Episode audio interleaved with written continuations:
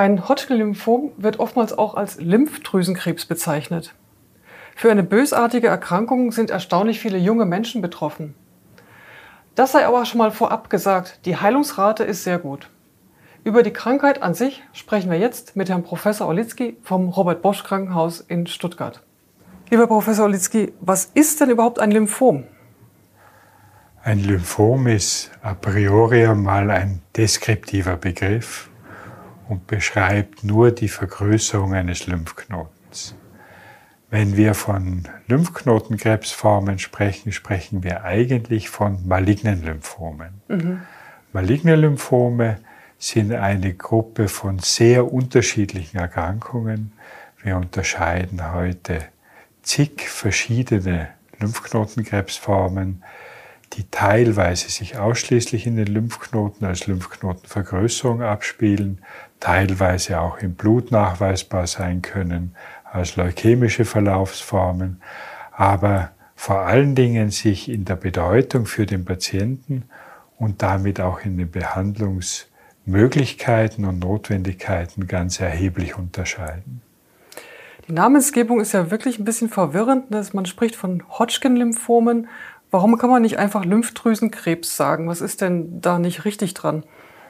An Lymphdrüsenkrebs wäre nichts Falsches, nichts auszusetzen.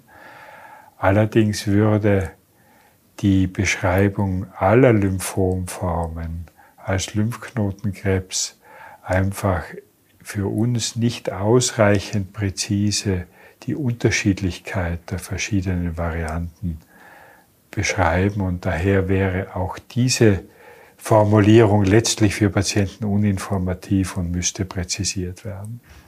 Und Hodgkin ist ja ein Name einer Person oder was ist das? Hodgkin war ein britischer Hämatologe, ich glaube in der Mitte des 19. Jahrhunderts, der diese Krebsform damals erstmals beschrieben hat.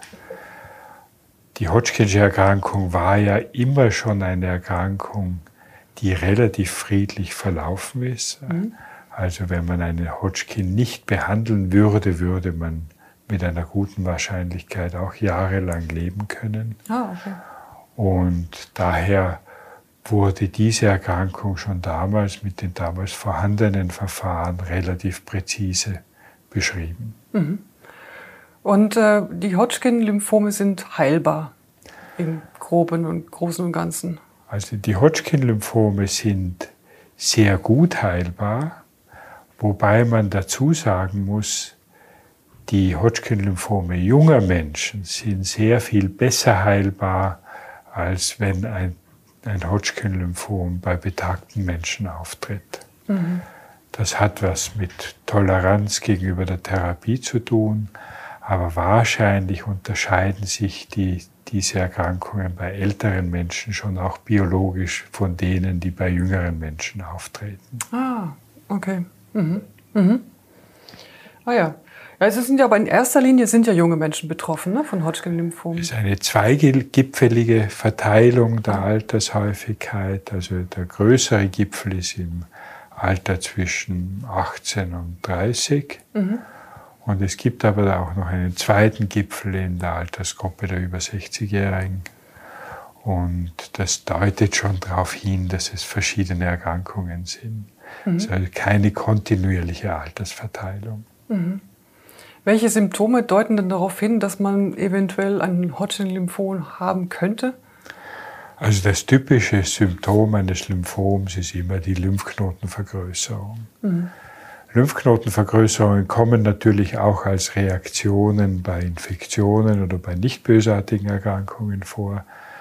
Aber wenn eine Lymphknotenvergrößerung hartnäckig ist, wenn sie nicht schmerzhaft ist, wenn sie auftritt, ohne dass eine Begleitinfektion gespürt wird, dann können solche Vergrößerungen eine bösartige Ursache haben und das ist fast immer das Leitsymptom. Mhm.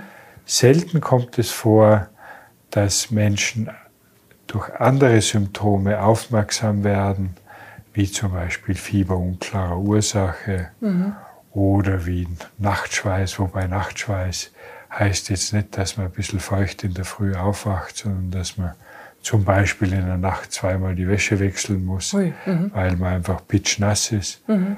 Also auch solche Symptome können ärztlicherseits eine Suche in Gang setzen mhm. und dann kann man das Lymphom entdecken.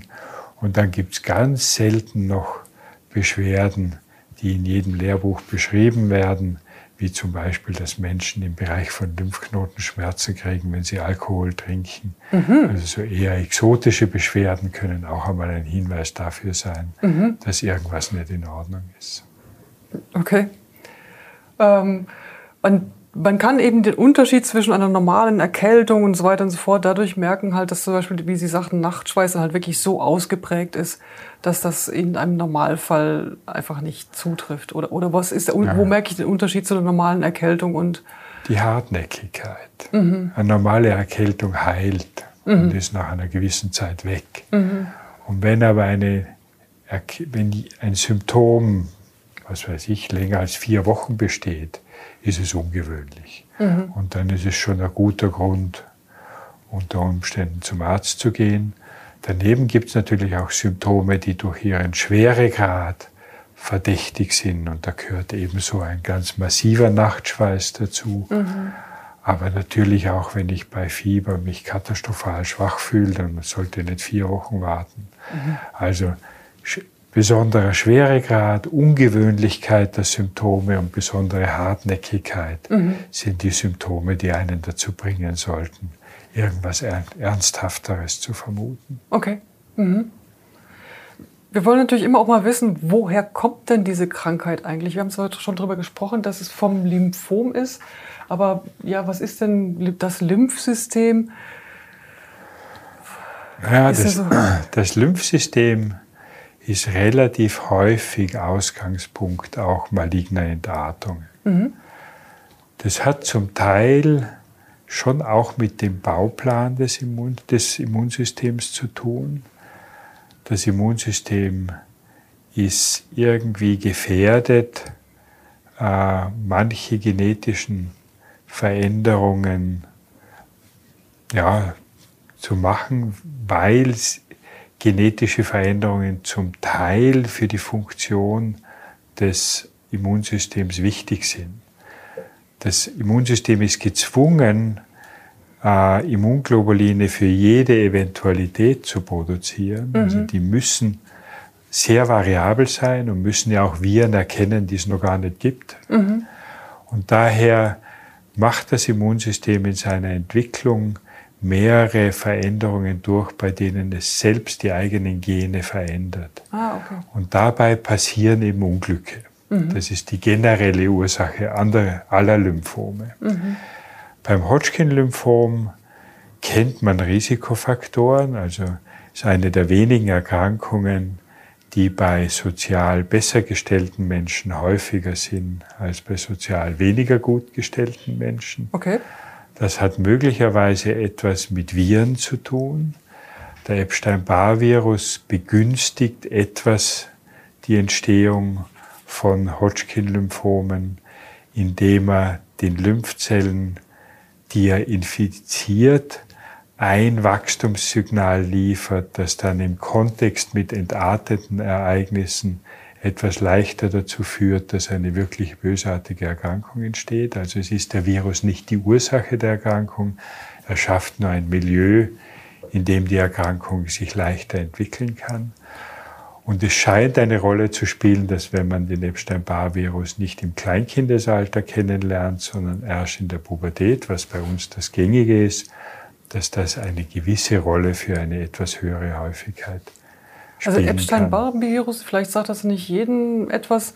Also ich glaube, dass mit Viren, da wird man ja immer ein bisschen nervös und fragt sich dann, hm, habe ich einen Fehler in meinem Leben gemacht? Habe ich irgendwas getan, was ich hätte nicht tun sollen? Wie ist es dazu gekommen, dass ich mich da angesteckt habe? Also der Epstein-Barr-Virus infiziert uns alle. Alle? Ausnahmslos. Okay.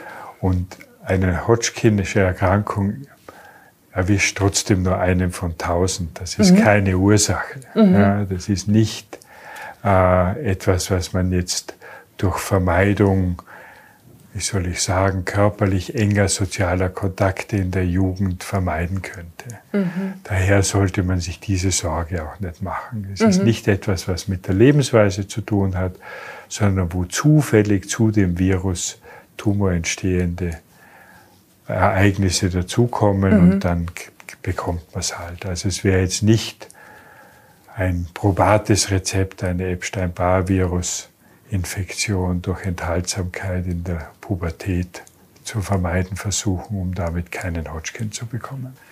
Es gibt nicht viele Menschen, die schwer krank werden vom Epstein-Barr-Virus. Okay. Das sind wirklich nur vereinzelte. Ja. Und sonstige virale Erkrankungen spielen die dann auch noch eine Rolle? Spielen keine Rolle. Es gibt sehr definierte genetische Veränderungen, die beim Hodgkin eine große Rolle spielen, die schon auch für den Phänotyp den der Hodgkin dann am Ende liefert, eine gewisse Rolle spielen. Und dazu gehören Veränderungen, die das umliegende Immunsystem daran hindern, die Zellen zu attackieren. Mhm.